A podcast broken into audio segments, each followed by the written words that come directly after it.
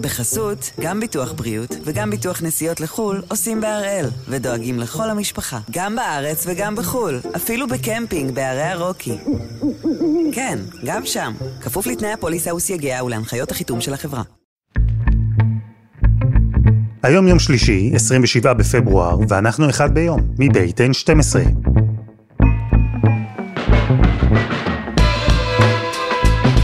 אני אלעד שמחיוף ואנחנו כאן כדי להבין טוב יותר מה קורה סביבנו, סיפור אחד ביום, בכל יום.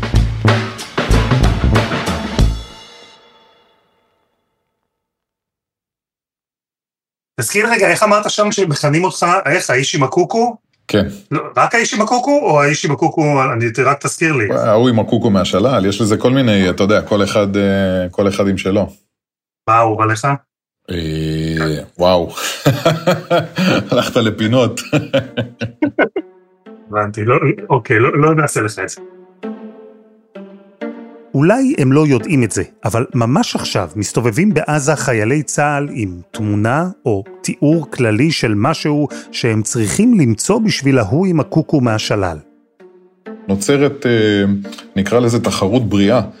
בין יחידות של מי מצליח להביא עכשיו עוד משהו מעניין, מי מצליח להביא משהו שבאמת אה, מייצר אה, איזשהו באז כזה בתוך אה, גופי המחקר, או בכלל, אתה יודע, יש, יש ממצאים שמייצרים שינוי משמעותי בשטח.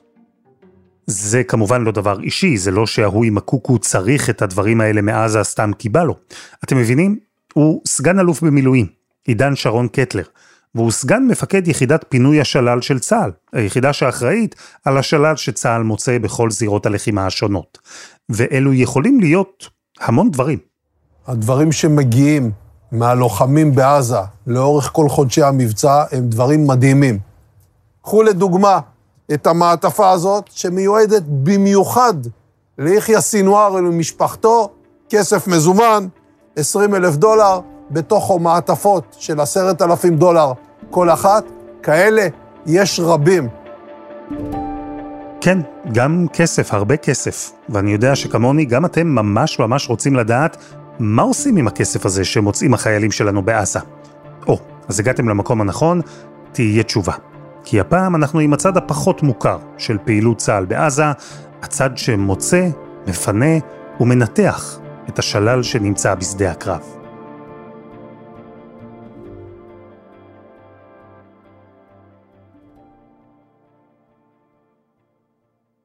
בסביבות שנת 2000, 2001, משהו כזה, ממש אה, אחרי השחרור. בעצם אה, היה תהליך אה, מאוד מוזר של קליטה למילואים, החליפו בין שמות של שני קורסים, שני קורסים שהם עם אותו שם, אחד של מודיעין ואחד של, ה, של היחידה, ופשוט סיווגו אותי לא נכון, ולכן הגעתי למיון קציני מודיעין במילואים. זו הייתה טעות, טעות צה"לית כזאת, בירוקרטית, אבל עידן התאהב. הוא התאהב ביחידה שבה הוא משרת בשני העשורים האחרונים, היחידה לפינוי שלל. הנושא של שלל, המילה שלל מגיעה משלילת יכולת אויב. אז שלל הוא ציוד אויב שמשמש ללחימה, או משרת את לחימת האויב, שאינו ציוד אישי. כך שלמשל, אם מחבל אה, נתפס בביתו הפרטי, הרכב הפרטי שלו שחונה מתחת לבית אינו ציוד שלל, למעט אם יש הוכחות שהרכב הזה שימש אה, לפעילות חבלנית. אה, הנשק של אותו מחבל כמובן שהוא שלל, כי לא משנה אם הוא היה בשימוש כרגע או לא, אה, הוא נשק אויב, הוא אמצעי לחימה. בסוף כל רכוש שהוא רכוש של ארגון צבאי, יחשב שלל. זאת אומרת, אם לצורך העניין חמאס מחזיק עכשיו אה, בדירה מסוימת אה, טלוויזיות, אז אותן טלוויזיות יחשבו שלל. אבל טלוויזיה בבית של פעיל חמאס לא תחשב שלל, כי היא ציוד פרטי. זו יחידה ששייכת לאגף הטכנולוגיה והלוגיסטיקה, והיא מורכבת משני גדודים. וזו יחידה שיש לה עבודה מאוד מורכבת. נציגים שלה לא פעם יוצאים פיזית לשטח עם כוחות קרביים. ואם הם לא בשטח, אז הם זמינים. 24/7 בטלפון. כי הדבר הראשון והבסיסי שהם צריכים לעשות, זה להבין אם מה שנמצא בשטח הוא בכלל שלל. וזה לא דבר שתמיד מאוד פשוט לקבוע. אז יש פריטים שהתשובה היא מאוד מאוד אה, טריוויאלית ומאוד פשוט להגיע אל התשובה, ויש פריטים שהשאלה היא הרבה יותר גדולה. כסף הוא שלל או לא שלל? תכשיטים. זה שלל או לא שלל? השאלה הגדולה, האם זה ציוד פרטי או לא. אם הכסף שתפסנו עכשיו הוא כסף שיש לבן אדם בארנק, או כסף שהוא הגיוני שיהיה לבן אדם בבית, לא יודע, ב-300 שקל, 5,000 שקל, הוא לא מוגדר שלל באופן אוטומטי. צריכה להיות הפללה ספציפית על הכסף הזה, אבל אם זה סכום כסף שלא הגיוני שלבן אדם פרטי יהיה בבית לשימושו הפרטי, זאת אומרת, זה לא איזה... אני רוצה להניח שאף אחד לא צובר עכשיו 15 מיליון שקל ושם אותם בבית במשיכות מסודרות אה, לאורך אה, שלושה חודשים אה, ככסף פרטי שלו. כנראה שהכסף הזה הוא לא פרטי שלו, ולכן במצב כזה, כשהכסף הזה משוייך לארגון אויב או למדינת אויב, הוא הופך להיות שלל. ואותו אנחנו כן יכולים לתפוס. יפה, יש פה הבחנה והיא חשובה, בין תפיסת שלל לבין ביזה. מצב שבו חייל לוקח פריטים אישיים שלא מוגדרים כשלל מלחמה. וזו הגדרה משפטית, לכן יחידת פינוי השלל עובדת צמוד עם ייעוץ משפטי ועם מומחי משפט, מומחים שקובעים במקרים המסובכים יותר, אם דבר מה שנמצא בשטח בפעולה מבצעית נחשב שלל, כזה שאפשר לקחת. אז נניח שכן, ומצאו משהו שמוגדר כשלל. עולה שאלה אחרת, האם את הדבר הזה גם צריך לקחת? האם כדאי? כלומר, האם השלל הספציפי שנמצא שווה בכלל את המאמץ, כי לפעמים הרבה מאמץ כרוך בלהביא אותו לישראל. עכשיו השאלה אם להוציא אותו או לא להוציא אותו, אה, היום מתבססת בעצם על, בעיקר על, על מספר פרמטרים. אחד זה כמה זה מסובך. זאת אומרת, אם פשוט לי להוציא, ברוב המקרים אני אעדיף להוציא. אבל אם זה לא פשוט אפילו בקצת, אז פה כבר נכנס אה, שיקול הערכיות. האם מה שנמצא שם הוא חדש, הוא מיוחד, ראינו אותו קודם, לא ראינו אותו קודם, יש לנו דוגמאות כאלה, אין לנו דוגמאות כאלה, יש פה, יש פה הרבה שאלות שהן חלק מהשיקול. ואולי הנקודה השלישית זה הזמינות של השמדה אל מול אה, הוצאה. אז ברוב המקרים יש מספיק כוחות בשטח שידעו להשמיד.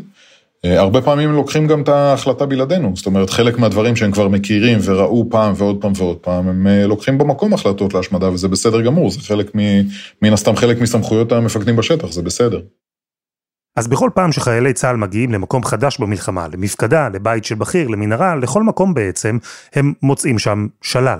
והם מתייעצים עם נציגי היחידה לפינוי שלל, עד כמה הדבר הזה חשוב, אם ואיך צריך להביא את השלל הזה לישראל. הם שולחים לנציג היחידה תמונה, או סרטון. ומדי פעם, האיש שמקבל את התמונה הזו מהצד השני, מתמלא בהתרגשות כשהוא רואה על המסך משהו שביחידה חיפשו המון זמן. יש לזה שני קצוות, קצה אחד זה בדיוק זה שאתה מדבר עליו, משהו שאנחנו יודעים שמחפשים תקופה, זה פתאום boost אדרנלין ש... שקשה לעמוד בו, זה, זה להחזיק חזק חזק, לשבת על הידיים בשביל לא לחטוף מפתחות של רכב ולרדת, אה, פשוט לטוס לשטח, וזה לנשום עמוק. ולהרים את כל האופרציה מסביב, של אה, מי מושך את הפריט, ואיזה צוות יורד לשם, ומי יכול להביא אותו הכי מהר שאפשר, ומה המסלול הנכון, ואיזה יחידה תקבל אותו, ולייצר קשר לכל מי שקורה מסביב, כי בסוף, מי שהפריט הזה מעניין אותו באמת זה לא אני, אותי זה מעניין ברמה האישית, אבל, אבל יש פה עכשיו מערך שלם אה, שצריך לדעת, צריך להכיר, לפעמים המערך הזה הוא זה שישלח את התמונה. ויגיד, שומע, אתה זוכר שלפני שנתיים, שלוש, דיברנו על הפריט הזה, אז תראה, הנה היחידה הזאת והזאת מצאה אותו, אתה יכול להביא אותו? ואז, שוב, האדרנלין הוא אותו אדרנלין, הוא וואלה, כאילו יש פה עכשיו אירוע שבשבילו אנחנו קיימים. עכשיו צריך להביא לידי מיצוי את הכל, את כל היחידות, את, ה, את, ה, את היכולת של אה, לארגן אה, את ההובלה המתאימה, ואת הכוח המתאים, ואת החבירה לאותו כוח בקצה, ולדאוג שלא ישמידו אותו, שגם היו לנו אירועים מרתקים כאלה של אה, לעצור השמדות כמעט תוך כדי שהן קורות, בשביל להביא פריט מאוד מאוד ייחודי. אז זה צד אחד של המשוואה, של, של משהו שהכרנו. הצד השני של המשוואה הוא לקבל תמונה שהכותרת שלה זה, אחי, מה זה?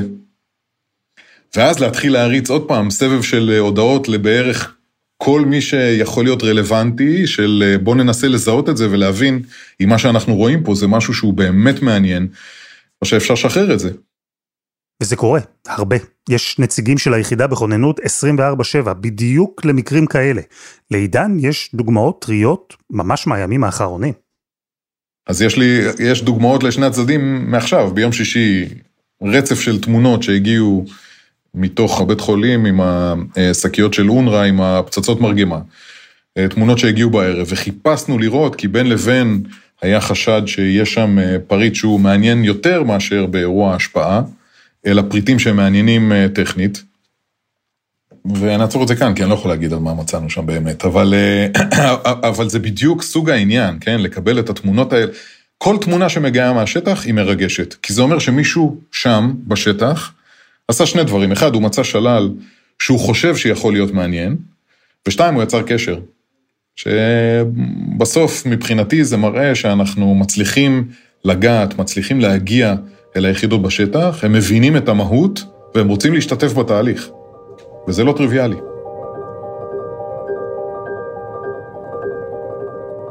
יש דברים מעניינים שאפשר לספר על חלק מהשלל שנתפס במלחמה הנוכחית בעזה, אנחנו עוד נגיע לזה. בכל זאת, אני הבטחתי לכם תשובה לשאלה, מה עושים עם עשרות המיליונים בכסף מזומן שנמצאו ברצועה. אבל שמעתם, הרבה מזה חסוי. הרבה מסיפורי השלל המדהימים שאפשר לספר, הם כאלה שקרו בעבר. אז נעזרנו בדוקטור מאור לוי ממחלקת ההיסטוריה של צה"ל, לשיחה קצרה על ההיסטוריה של שלל במלחמה. צריך להבין ששלל זה דבר שמלווה את ההיסטוריה מראשיתה. אה, כל מלחמה, כל לחימה, השלל הוא פרס, השלל הוא אה, סממן לתבוסת האויב. זה היה אפילו אמצעי מימון. זאת אומרת, אתה שולח אה, לוחמים לטריטוריה חדשה שבה הם אמורים להילחם, והשכר שלהם זה השלל. טוב, הרחקנו טיפה להיסטוריה הרחוקה, וכן, פעם שלל במלחמה היה הדרך לממן אותה ולתמרץ את החיילים שנלחמים בה. אבל אם נתקדם להיסטוריה הקרובה יותר, לזו של ישראל, נראה שישראל, כמו מדינות אחרות, מצאה כמה שימושים שונים ומאוד מגוונים לשלל שנתפס בשדה הקרב. יש גם uh, דרכים לעבוד על האויב באמצעות השלל, uh, למשל אם אתה לוקח אמצעי לחימה שלו ומצייד אותם לאיזושהי יחידה שאמורה לדמות אה, כאילו אה, הוא האויב ולתקוף את האויב ברגע הנכון לפי תכנון וזה גם משהו שקרה בישראל אגב. אה, במצר אביב 1969 צה"ל העביר באמצעות נחתות טנקים ונגמשים לחוף המערבי של מפרץ סואץ ופשט במצרים באמצעות טנקי שלל ונגמשי שלל בצבעי מלחמה מצריים מבצע רביב, מבצע חסר תקדים ומוצלח, שבו השתמש צה"ל בטנקים מסוג טיראן 5, הם ידועים יותר בשם T-55. אלו טנקים סובייטים שישראל לקחה כשלל ממצרים. אבל מבצעי הטעיה כאלה הם די נדירים. שימוש נפוץ יותר בשלל מלחמה הוא לצורכי מודיעין ומחקר. במשך שנים, כשבין הסובייטים לאמריקאים התנהלה מלחמה קרה, אצלנו באזור התנהלו מלחמות חמות, בגיבוי המעצמות האלה. וכך ישראל הפכה למעצמת מודיעין לא מעט בזכות אותו שלל שלקחה מהאויבים שלה. ישראל הפכה למעין ספק נשק סובייטי לידידות שלה ובעלות בריתה במערב, כן? ארצות הברית הגיעה לפה אחרי ששת הימים ופתחה בפרויקט שנקרא MEXPO, Middle East Exploitation Project, כן? היא באה לקחת דגם מכל השלל שניקח, השלל הסובייטי שניקח, וללמוד אותו ולחקור אותו. זה בעל ערך גם בגלל שישראל הפכה להיות בעלת יתרון. אה, בדרך כלל בשוק הנשק הבינלאומי הגדול אתה או נשען על אה, מקורות מערביים או נשען על מקורות מזרחיים. ישראל שילבה את שניהם. ואפשר למצוא עוד שימוש לאמצעי לחימה כאלה שלוקחים כשלל מהאויב, וישראל אכן מצאה, וניצלה את העניין הזה לא פעם, לפחות לפי מקורות זרים. כן, אה, לא פעם ולא פעמיים, אה, כל המידע הזה הוא אה, למעשה מבוסס על מקורות זרים. ישראל תמכה בדרום סודאן באמצעות נשק שלל, ישראל שלחה נשק שלל למורדים התימנים בשנות החמישים, אולי אפילו החות'ים של היום מחזיקים קצת שלל שלנו, לך תדע. ישראל תמכה במחתרת הכורדית בצפון עיראק, בפשמרגה, ישראל הקימה מיליציה בלבנון שמבוססת על אה, נשק שלל, כן? אה, בהחלט שימוש רחב. מה שמעניין בהקשר הזה הוא היתרון של השלל, כן? אה, אם אני עכשיו הייתי סתם, אני תומך באיזשהו מיליציה שאני מקים איפשהו ואני מביא לנשק ישראלי, כולם ידעו, יעשו אחד ועוד אחד, זה ישראלי, אפילו אם כולם יודעים באמת מאיפה הנשק מגיע, לנשק יש תעודת זהות. אתה יודע איפה מיוצר. ברגע שאתה נותן נשק של מישהו אחר, קצת יותר קשה לדעת, קצת יותר קשה אה, להגיד את זה. לכל זה, לכל השימושים החשובים האלה, יש כמובן גם צד שני. כי שלל אתה יכול לקחת מהאויב, אבל שלל חשוב ובעל ערך, האויב יכול גם לקחת ממך. קודם כל בחדשות יש הרבה סיפורים על טכנולוגיה ישראלית שמצאה את דרכה לאיראן ומשוכפלת באיראן.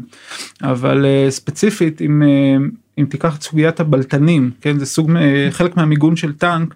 בשלום הגליל נפלו טנקים עם בלטנים ואירופה זמן קצר אחר כך רוסיה התחילה לייצר טנקים עם בלטנים. היא שכפלה את הטכנולוגיה ברגע שלוקחים שלל שלך אתה חשוף מבחינה טכנולוגית וזה בהחלט מעלה חשש הם גם לומדים אותך לשמחתנו הגדולה טרם נפלה מרכבה סימן 4 ואני מקווה גם שלא תיפול בנסיבות שבהם אפשר לשכפל אותה אבל כן בהחלט זה נקודת תורפה ועדיף שלא ייפול שלל. חסות אחת וממש מיד חוזרים.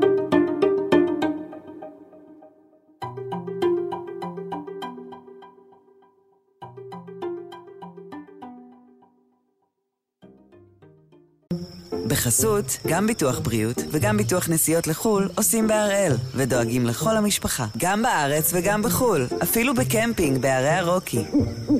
כן, גם שם, כפוף לתנאי הפוליסה וסייגיה ולהנחיות החיתום של החברה.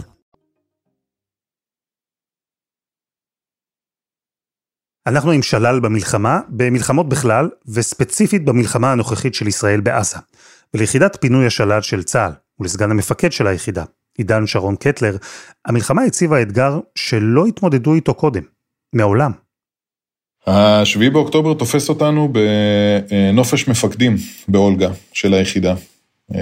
היינו שם מיום חמישי, ואנחנו מתעוררים בשבת בבוקר לתוך מלחמה, והולכים חוטפים משהו בחדר אוכל, כי אנחנו מבינים שאנחנו לא יודעים מה יהיה בעוד חמש שעות, ועפים משם כמה שיותר מהר כל אחד לבית שלו. ולמחרת בבוקר אנחנו בעצם מתחילים לתכנן פינוי שלל מתוך שטח ישראל, שזה לא קיים באף פקודה מבצעית שלנו, לא נבננו לזה, לא התכוננו לזה, להיות במצב שבו בתוך שטח ישראל אנחנו מפנים שלל תחת אש עם מיגון מלא. לא, לא דמיינו, לא דמיינו. איסוף שלל מגופות של אזרחים, ציוד של שלל, ציוד לחימה. שיועד לשימוש נגד חיילים, נגד טנקים, להוציא אותו מתוך בתים של אזרחים בקיבוצים, בעוטף, אין לתאר את התחושה. פשוט אין לתאר. אמרנו כבר, משלל אפשר ללמוד הרבה, גם לצורכי מודיעין, ללמוד את האמל"ח של האויב, אבל גם את התוכניות שלו, או את הכוונות שלו, את מה באמת רצו מחבלי הנוח'בה לעשות בישראל באותה שבת של שבעה באוקטובר. אני יכול להגיד מתוך ניתוח אישי שלי, כמות המטענים שמצאנו וסוגיהם, זה לא ציוד לפשיטה.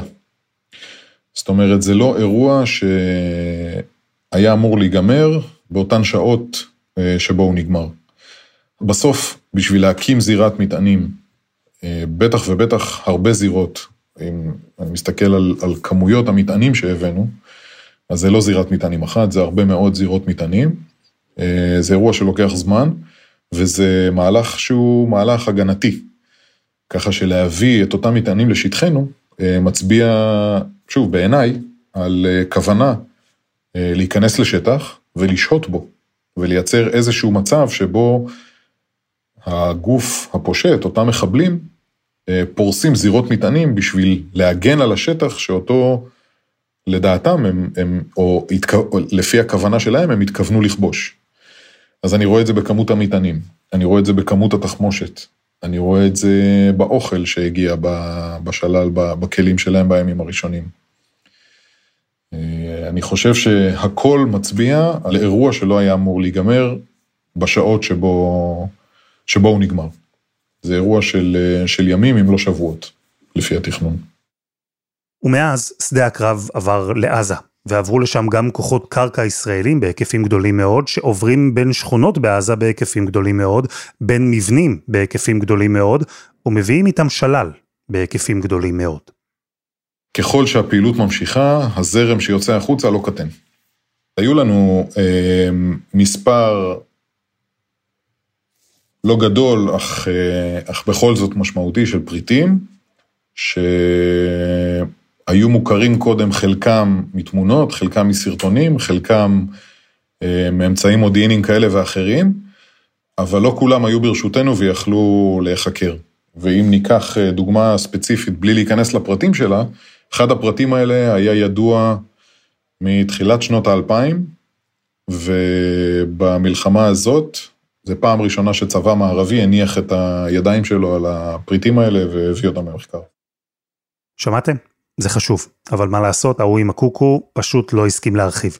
עוד 50 שנה אולי נדע מה זה, הפריט הזה שנפל לידיים שלנו בעזה, ועניין מאוד גופי ביטחון אחרים בעולם.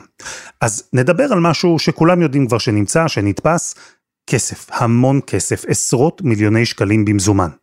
גם שיחות כאלה קיבלו ביחידה, שיחות שהתחילו במשפט, תשמעו, מצאנו פה מזוודה מלאה בשטרות.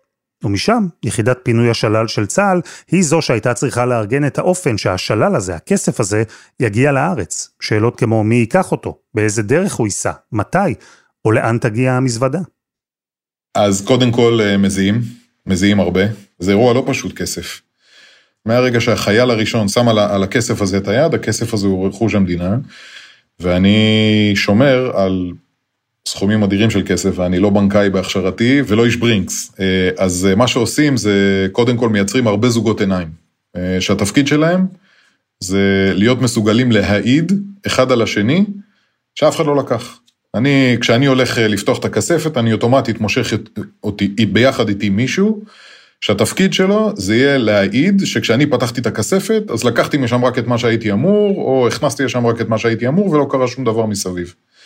אז קודם כל אנחנו מייצרים לעצמנו גיבוי. עכשיו, מה באמת עושים עם הכסף? אז סופרים הכל. אה, נעזרים אה, במכונות אה, גם שרכשנו וגם שקיבלנו בתרומות ובהשאלות מבנקים.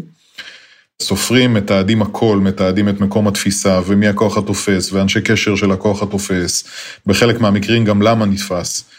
ואחרי כל האירוע הזה, מעבירים את הכסף כמה שיותר מהר למשרד הביטחון. ומשם, אה, כמו שאומר הפתגם הידוע, זה לא בעיה שלי. רגע, רגע, אני הבטחתי למאזינים תשובה. מה עושים עם הכסף הזה, אחרי שהוא עובר במהירות מהידיים שלכם לידי משרד הביטחון? אז יש, יש איתו הליך משפטי, מישהו צריך להוציא צו חילוט או הפללה, אה, שתקרה עליו באופן רשמי, אה, ואחרי שהדבר הזה יקרה, הוא ייכנס לאיזשהו תקציב, תקציב הביטחון, תקציב הממשלה, תקציב המדינה, משהו משהו כזה. אבל, אבל המסלול הוא מסלול אה, ברור וידוע וקבוע, אין ממנו חריגות. ולא, אנחנו לא נוסעים ביגוארים.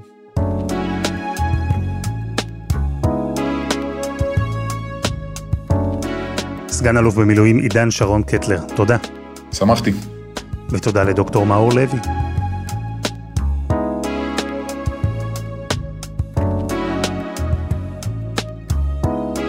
וזה היה אחד ביום של N12.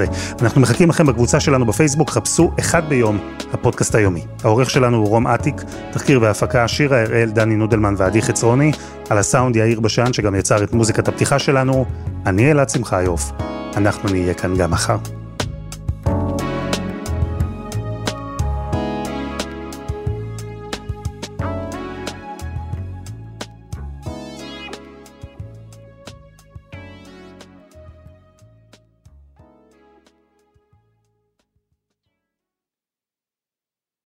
בחסות, גם ביטוח בריאות וגם ביטוח נסיעות לחו"ל עושים בהראל, ודואגים לכל המשפחה, גם בארץ וגם בחו"ל, אפילו בקמפינג בערי הרוקי. כן, גם שם, כפוף לתנאי הפוליסה וסייגיה ולהנחיות החיתום של החברה.